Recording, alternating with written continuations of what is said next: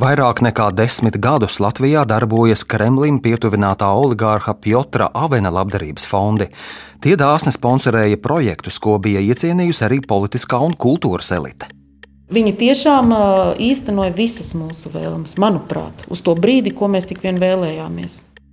Latvijā reģistrētie nodibinājumi ļāva valstī ieplūst miljoniem eiro no Putinam tuviem Krievijas biznesmeņiem, arī no offshore firmām Kiprā un Britu Virģīnu salās. Tajā laikā mēs sadarbojāmies ar cilvēku, kas bija ordeņa kapitula izvērtēts trīs zvaigžņu ordeņa kavalieris. Piotram Avenam, kā arī daļai no viņa fonda ziedotājiem, kuriem ir cieša saikne ar Putinu, tagad ir noteiktas sankcijas. Es neuzskatu, ka viņš bija jebkurā brīdī, nu, līdz pēdējo pāris gadu notikumiem, traktēts kā nu, kaut kas negatīvs. Kāpēc iestādes un organizācijas Latvijā saņēma ziedojumus no labdarības fonda, kas pieder Putinam pietuvinātam oligarham? Un vai šie maksājumi palīdzēja Kremlim nostiprināt Krievijas ietekmi Latvijā? To atvērto failu pusstundā pētīs Baiva Kļava un viņas veidoto raidījumu ierunāšais Ģetars Ģēlzes. Pirmā daļa. Tā bija reāla debesu dāvana.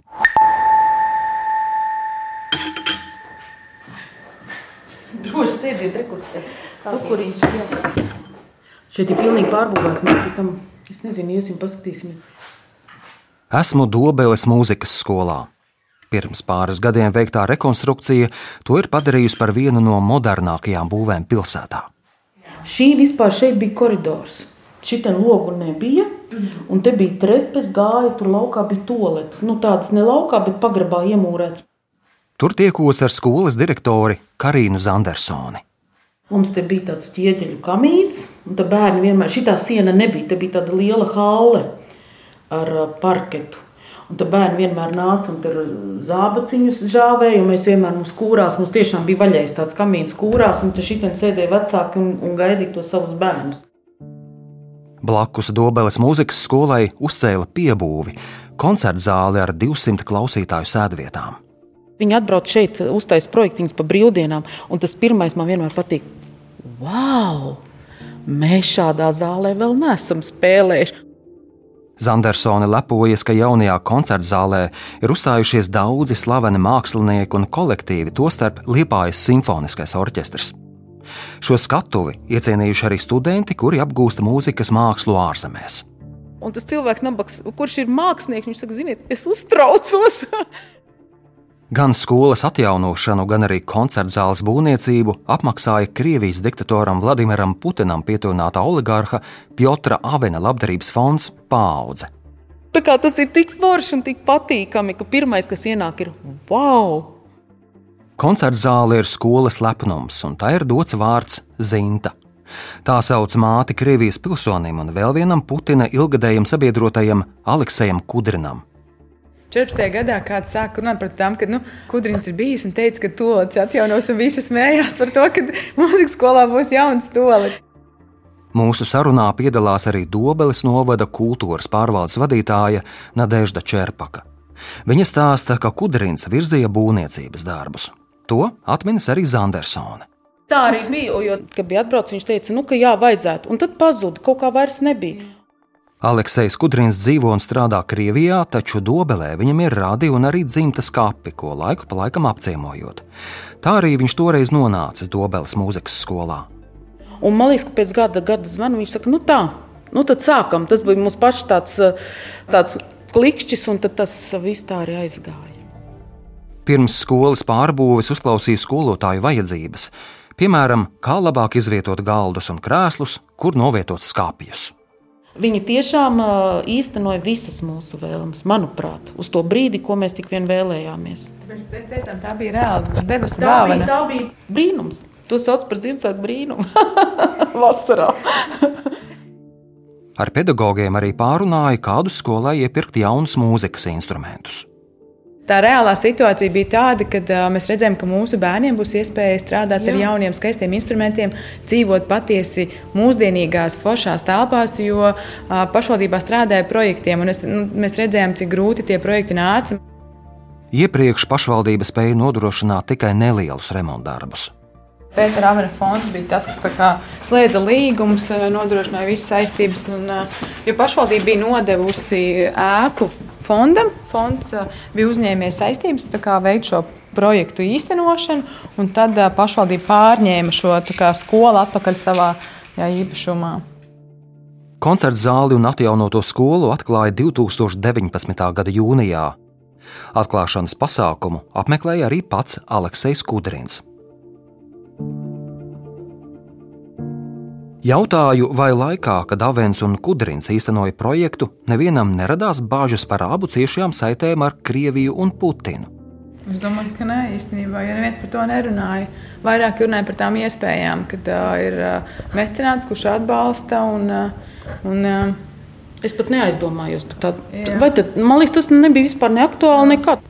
Varbūt arī tāpēc, ka mēs bijām ļoti tālu no tā visa. Mēs bijām īstenībā tikai parastie darbinieki, kuri ļoti gaidīja to rezultātu. Lai aprunātos par mūzikas skolas rekonstrukcijas projektu un sadarbību ar Avenu un Kudrinu, uzrunāju ēkas īpašnieku Dobeles novada pašvaldību. Intervijas vietā e-pastā saņēmu rakstisku komentāru no pašvaldības izpildirektora Agra Vilka. Tajā viņš stāsta, ka rekonstrukcijas darbus un skolas piebūvi, jeb koncerta zāli īstenoja 2018. un 2019. gadā. Darbi sākti pēc Krievijā dzīvojošā bijušā dobelnieka Aleksēja Kudrina iniciatīvas un ar viņa līdzdalību, sekojot līdzi projekta virzībai un sadarbojoties ar Pētera Avena labdarības fondu paudze projekta īstenošanai nepieciešamo investīciju piesaistēji. Vilks raksta, ka mūzikas skolas rekonstrukcija izmaksāja 2,5 miljonus eiro, un šīs izmaksas pilnībā sedza Avena fonds. Jautāju arī to, vai pašvaldība zināja, kur Avena fonds iegūs naudu, lai īstenotu tik apjomīgu projektu un kas ir fonda ziedotāji. Komunikācijā ar pašvaldību fonda ziedotāju vai ziedotājus vienpersoniski pārstāvēja Kudrina kungs, kurš iespējams arī bija vienīgais ziedotājs.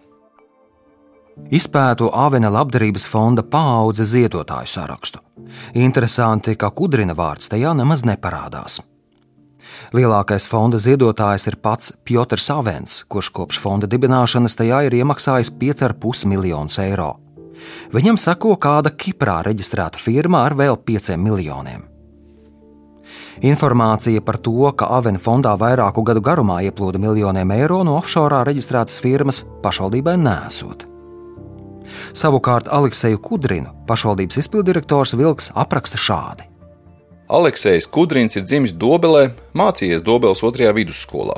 Šeit viņam joprojām dzīvo radi.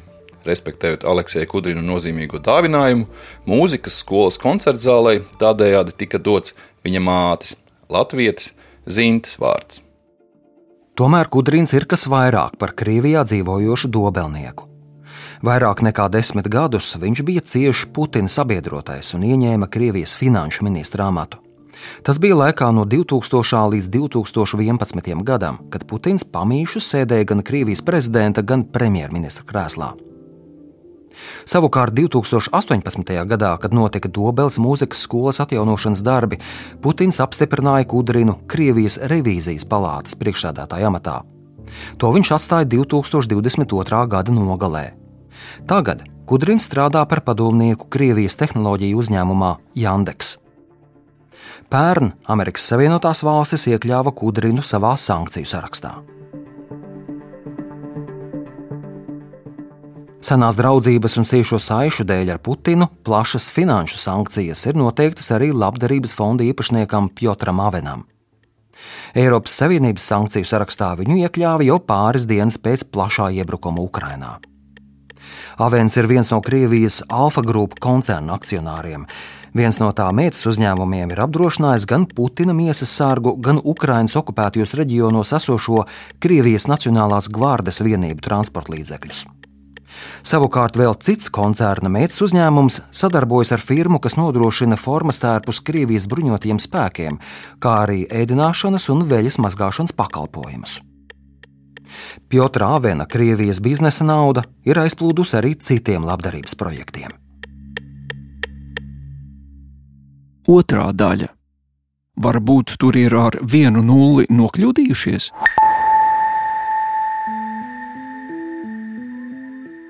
Vairāku gadu garumā iepriekš minētais Avena labdarības fonds paudze ir atbalstījis arī bērnu klīniskās universitātes slimnīcu.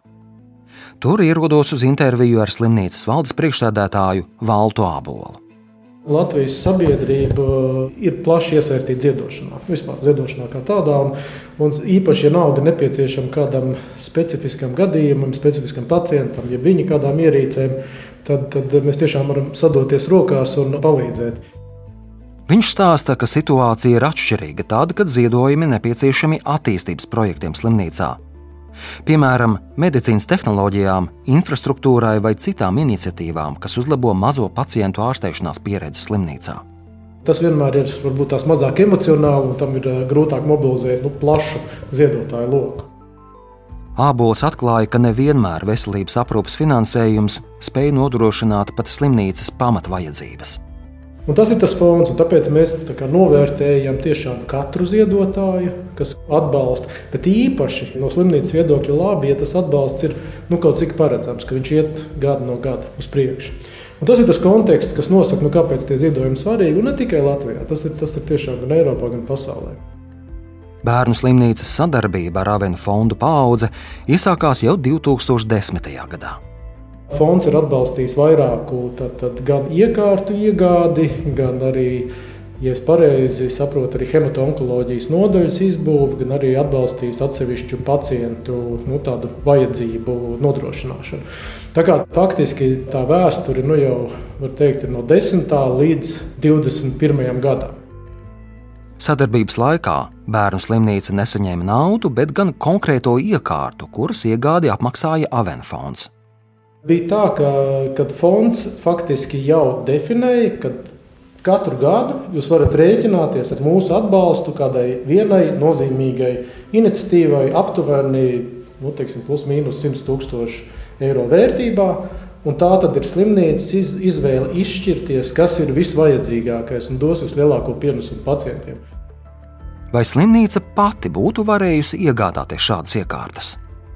Nu, ne šajā brīdī un šajā laikā. Tad, nu, jā, tās bija tās uh, vajadzības, kas bija palikušas ārpus nu, tādas ikdienas uh, darba nodrošināšanas, un kas pavēra tādu iespēju nu, faktiski nu, tādam attīstības solim. 2010. gadā Avena fonds slimnīcai sagādāja astoņu krāsu plūsmas citometra ierīci.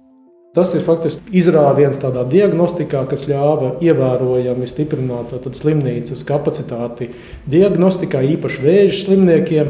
Jo faktiski viņš bija desmit reizes jūtīgāks nu, vēža šūnu identificēšanā par, par visām iepriekšējām iekārtām. Viņš varēja atklāt vienu ļaundabīgu šūnu no desmit tūkstošu šūnām. Tad nu, milzīgs solis tajā diagnostiskajā kapacitātē. Ābolam nav informācijas par ziedojumiem turpmākajos piecos gados, bet kopš 2016. gada slimnīca no fonda saņēma tās darbā ļoti nepieciešams iekārtas, tostarp endoskopijas aparātu un ķirurģisko lāzeru. Ierīces ļāva bērniem nodrošināt specializētu barošanu, vēl nedzimušiem mazuļiem laikus diagnosticēt sirds saslimšanas, veikt mikroķirurģijas operācijas un veikt citas funkcijas. Bērnu slimnīcas eh, nesaņēma tiešā veidā naudas līdzekļus. Mēs eh, slimnīcu saņēmām jau lietošanai gatavu iekārtu. Līdz ar to mēs, eh, mēs ne, nepiedalījāmies iegādes procesā, ne cenu identificēšanā un vienošanās, ne arī neapmaksā. Tad slimnīca izteica to savu vajadzību no pacienta perspektīvas, un tad jau nu, saņēma lietošanai gatavu iekārtu no piegādātājiem kopā ar apmācībām. Jautāju, vai slimnīca ir aplēsusi, cik lielu summu ziedojumos tā kopumā saņēma no Avena fonda. Man iztrūkst uh, pilna bilde par, par dažiem gadiem pirms tam, bet sākot no 16 līdz 21 gadam, tas ir, uh, mēs varam tā vidēji rēķināt, ka tie ir uh, ap 100 tūkstošiem gadā. Tur ir citus gadus ir mazliet mazāk, citus gadus vairāk, bet tas ir jā, aptuveni 600 tūkstoši būtu laikā starp 16 un 21 gadu. Tomēr ziedotā summa slimnīcai, ko Avena fonds uzrādījis gada pārskatos, ir trīsreiz lielāka un sasniedz nepilnus 2 miljonus eiro. Tāpēc pārunājām fonda pārskatos uzrādīto iekārtu izmaksas un pašas slimnīcas uzskaitīto saņemto ziedojumu vērtību trīspusējā līguma ietvaros. Miljonus 392 tūkstoši. Tas ir ehokardiogrāfijas iekārtas iegāde. Nē, kardiogrāfija ir 129 tūkstoši. Varbūt tur viena nula, kaut kas nopildījušies. Tomēr šī nav vienīgā reize, kad Avena fondu pārskatos uzrādīto ziedojumu summa krasi atšķiras no saņēmēja pusē uzrādītās summas. Ar Avenu saistītie fondi līdz sankciju noteikšanai dāsni ziedoja arī cits citam.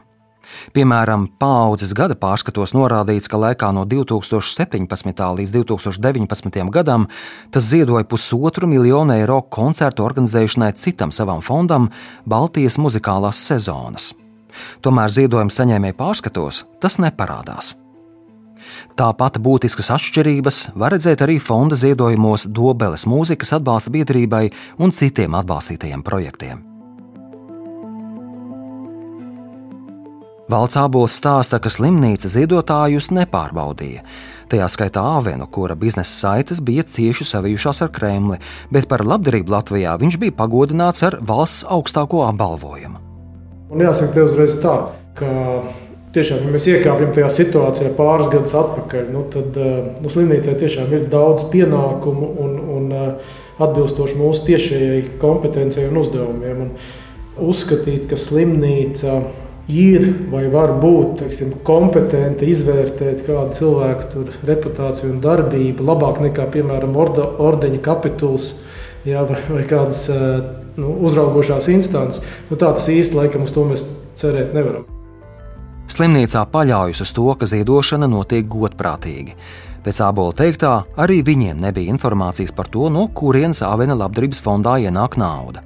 Tas ir laikam tas, uh, ar, ar kādu uh, attieksmi mēs dzīvojam, un pārējo tad, teiksim, mēs tiešām paļaujamies, ka ir, ir organizācijas, kas seko līdzi gan uh, naudas plūsmām, viņu legalitātei un, un, un visam pārējiem. Slimnīcā ir izveidota noteikta ziedošanas kārtība. Tā nosaka saskaņota materiāla labuma pieņemšanu ar kapitāla daļu turētāju, kā arī pārbaudīt, vai nepastāv legāls pamats nepieņemt ziedojumu, piemēram, ja pret ziedotāju ir noteiktas sankcijas. Ja iepriekš slimnīcai būtu radušās aizdomas par šīs naudas izcēlesmi, vai tā apsvērtu iespēju nesadarboties ar Avena fondu? Droši vien mēs būtu konsultējušies. Mēs nekādā veidā neatļautos uh, nu, pārkāpt robežas, kas, kas kādā veidā var ietekmēt mūsu reputāciju. Līdz ar to, ja būtu norādes par, par kādām negodīgām praksēm, nu, tad tā pilnīgi noteikti ir sarkanā līnija. Bet tajā laikā mēs sadarbojāmies ar, ar, ar cilvēku, kas bija ordeņa kapitula izvērtēts trīs zvaigžņu ordeņa kavalieris. Jā, tad, tad, uh, to droši vien mēs nevaram ignorēt. Jautāju arī to, vai slimnīca zināja par ziedotāju tuvajām attiecībām ar Putinu un Kremli. Satunēs es neinteresējos tiešām par šādu sadaļu. Un, uh, man liekas, ka tas arī īpaši vismaz līdz šī ģeopolitiskā konflikta eskalācijā varbūt tas netika arī tik daudz akcentēts un, uh, un, un arī vērtīts. Tā kā, jā, diemžēl šādas informācijas mums nebija.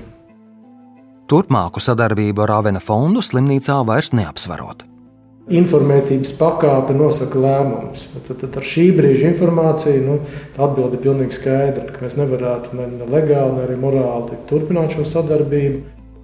Abos stāsta, ka pat labam tas ir īpaši svarīgi, ka slimnīcai nav nekādas saiknes ar agresīvo kaimiņu valsti.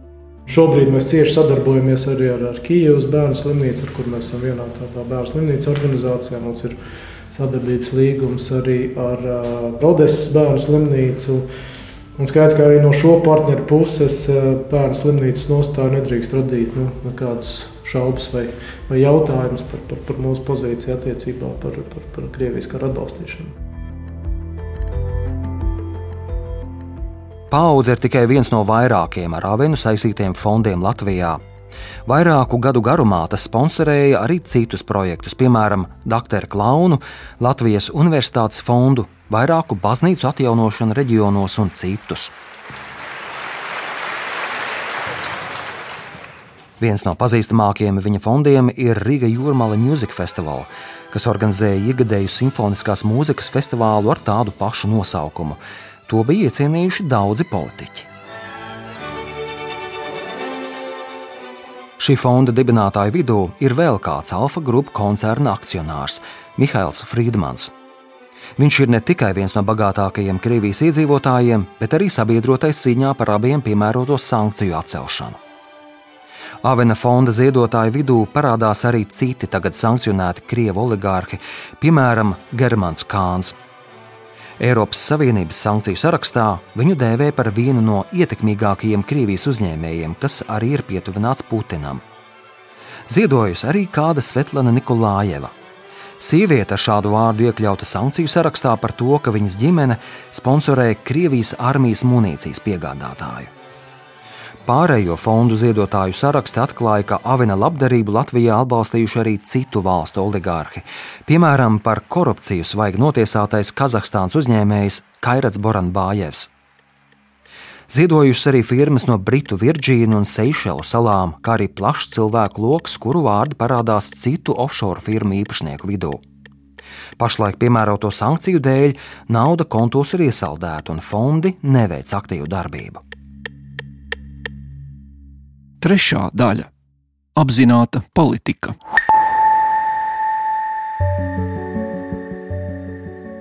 Lai aprunātos par labdarības fondiem un nesakritībām, gada pārskatos un ziedotājiem uzrunāju Piotru Avenu intervijai. Tomēr viņa pārstāvis Igors Bass, kurš strādā arī visos Avena fondos, interviju atsaka un uz jautājumiem sola sagatavot rakstiskas atbildes. Tomēr raidījuma veidošanas laikā ziņu no Basa tā arī nesaņēma. Vai tas, ka caur Latvijā reģistrētiem labdarības fondiem valstī ieplūda miljoni no offshore zonām un krievu oligarhiem, rada pamatu satraukumam par naudas izcelsmi? Jā, atbilde būtu jā, arī ja neizrādītos, ka ziedotāji bija Krievijas oligarhi. Paulis Iljenkovs ir finanšu izlūkošanas dienesta vadītāja vietnieks. Nevienam nav noslēpums, ka līdz 2018. gadam Latvijā mm, bija nu, tā, liela apmēra un ļoti vāji kontrolēta un uzraudzīta nerezidenta naudas plūsma. Tā skaitā no offshore jurisdikcijām, izmantojot faktisku uzņēmēju darbību neveicošas kompānijas, kas ir reģistrētas offshore. Un, tā nauda plūda ne tikai caur labdarības organizācijām, nevalstiskajām organizācijām, bet caur Latvijas finanšu sektoru kopumā. Un, tas radīja ļoti augstus riskus no naudas atmazgāšanas viedokļa, no finanšu nozieguma viedokļa kopumā. Viņš gan neatklāja, vai Avena fondi ir pievērsuši finanšu izlūkošanas dienestu uzmanību. Mēs vienmēr atturamies no konkrētu gadījumu komentēšanas, vai tie ir vai nav nonākuši mūsu redzeslokā. Un arī šoreiz par to, vai konkrēti ir fondi, nevalstiskās organizācijas ir bijušas mūsu redzeslokā, mēs nekomentēsim. Tas, ka nevalstiskās organizācijas ir nonākušas mūsu redzeslokā kopumā tieši no naudas atmazgāšanas riska, jā, tādi gadījumi ir bijuši. Iļņenko stāsta, ka iepriekš vājā kontrole, kas ļāva Latvijā ieplūst naudai no offshore, radīja ne tikai finanšu noziegumu risku, bet arī atstāja ietekmi uz nacionālo drošību. Ko šobrīd pēta arī daži starptautiski tā sauktie think tanki, domnīcas, nevalstiskās organizācijas, ir par ietekmes pirkšanu rietumu demokrātijās, tieši izmantojot nereti nevalstiskās organizācijas šajās valstīs ar neizskaidrojamas vai apšaubāmas izcelsmes līdzekļiem, tā skaitā arī caur offshore jurisdikcijām. Līdz ar to šim jautājumam starp finanšu noziegumiem, finanšu plūsmām un nacionālo drošību ir arī šāda dimensija. Pret Avēnu noteiktas ne tikai Eiropas Savienības, bet arī ASV sankcijas. Tas nozīmē, ka viņa nauda kontos ir iesaldēta un viņš tai nevar piekļūt. Kā Krievu oligarhu aktivitātes Latvijā vērtē politiķi, kuri ikdienā strādā ar nacionālās drošības jautājumiem? Tā ir apzināta politika. To izmanto parasti autoritāras valsts, vai tā būtu Krievija, vai Ķīna, vai savādāk, caur kultūras institūtiem. Ainārs Latkovskis ir Saimas Nacionālās drošības komisijas vadītājs. Padomju Savienība to izmantoja ar baletu un operu, jā, mēģinot rietumu sabiedrību kaut kā tuvināt sev un skaidrot, ka uh, caur kultūru un mākslu var sadarboties arī ar valsti, kur izved cilvēkus, nošauj, iznīcina, aizved uz Sibīriju. Un, uh, taču daudz rietumnieki ir iekrituši uz šo, un kāds brīnums, ka arī pie mums cilvēki, kultūras cilvēki uz šo arī iekrita. Naudas trūkums vienmēr šajā jomā ir. Latkovskis pieļauj, ka oligārhu intereses ir saistītas ar iespējām iegūt ietekmi. Ir cilvēki, kurus var izmantot, kuri kādreiz ir saņēmuši tādā veidā palīdzību, ir bijuši atbalstīti, un nāk diena, kad ir jāatmaksā. Nu, naudā neviens jau neprasa, bet uh, kāds labs vārds aizlikts. Kaut kas piemests klātajā Krievijas uh, narratīva ugunskurā. Viņa prāta krāšņos kultūras pasākumus, kurus iepriekš apmaksāja Avena fondi, veidoja tā, lai uzrunātu pie varas esošos cilvēkus. Viņiem daudz nebija jānopūlās, lai ietekmētu tā saucamo krievalodīgo sabiedrību, kas skatījās Krievijas televīziju, lasīja viņa ziņas un tā tālāk. Tas vairāk bija domāts ietekmēt eh, mūsu eliti, kur neskatījās tās ziņas, bet automātiski viņiem izveidojās pozitīvāks viedoklis. Ja jūs viņiem tagad jautājat, viņi teikt, ļoti jauki cilvēki. Bet informācijas viņiem nebija. Latkovskis ir pārliecināts, ka drošības dienestiem būtu jāinformē sabiedrība par riskiem, kas saistās ar sadarbību ar līdzīgiem fondiem un projektiem. Es saku, cilvēki, kas labāk saprata situāciju, saprata to jau arī agrāk. Un domāju, mums nebija mākslinieki, kas nepieņēma naudu no, no tāda veida fondiem var droši sadarīt, ka noteikti bija. Viņi bija mazākumā. Neapvainojot tos cilvēkus, nu, ko tas dos? Mēs tagad saliksim, kurš šitie, šitie, šitie. Lielākā daļa no viņiem pat nesaprata. Rīgas Stradiņu universitātē tiekos ar Latvijas ārpolitikas institūta pētnieci un pasniedzēju Elīnu Vrobļevsku. Kādus riskus viņa saskata tajā, ka Putinam pietuvināti oligārhi ir sponsorējuši projektus Latvijā?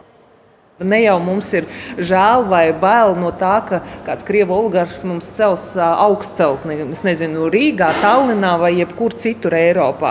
Mm, tās bažas rada jau tas, ko viņš ar savu klātesamību un ar savu ietekmi var panākt pēc tam pašvaldības līmenī vai valstiskā līmenī. Tikai tāpēc, ka nu, viņam tajā brīdī sāk piederēt daļa no ekonomikas vai no ekonomiskās izaugsmas, vai daļa no mēdīju telpas, vai daļa no politiskās telpas prakse īstenot labdarības projektus ir viena no Putinam pietuvināto biznesa cilvēku darbības formām Eiropā un bijušajās padomju valstīs.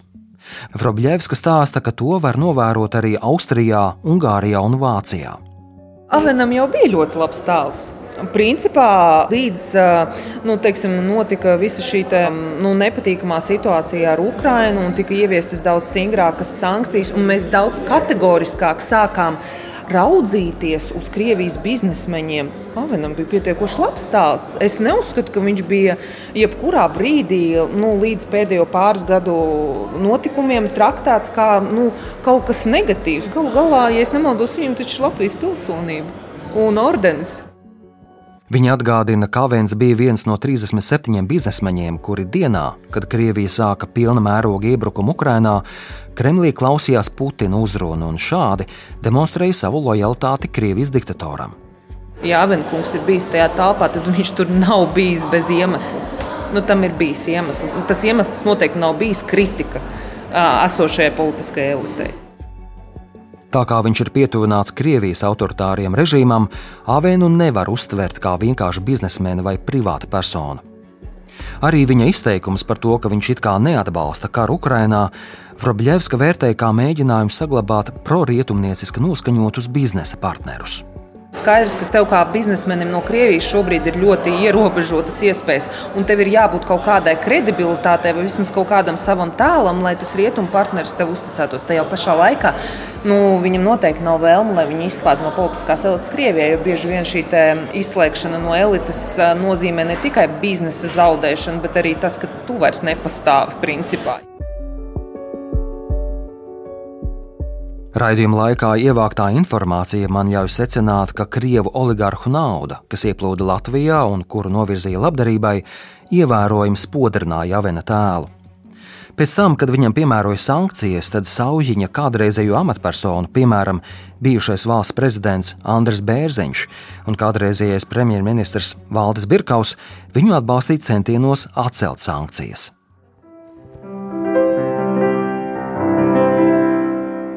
Dobeles mūzikas skolas direktore Karina Zandersone, ar kuru runāju raidījuma sākumā, stāsta, ka ir pateicīga par to, ka pilsētā ir mūsdienīga vieta, kur skolēniem mācīties, bet pilsētniekiem baudīt mūziku. Savukārt morāles dabas konfliktu par naudas izcelsmi, par kuru tāpa šī mūsdienīgā vieta, viņa īsti nesaredz. A, ko tagad darīt? Justies par to vainīgam vai, vai ko? Vienkārši jāizmanto, kas mums ir. Paldies, ka mums tas ir. Zandersons stāsta, to, kas noticis, mainīt vairs nevar. Es domāju, ka ir jāskatās ar šīs dienas prizmu un jāskatās, jādomā uz priekšu, jo tad tas viss bija pilnīgi otrādi.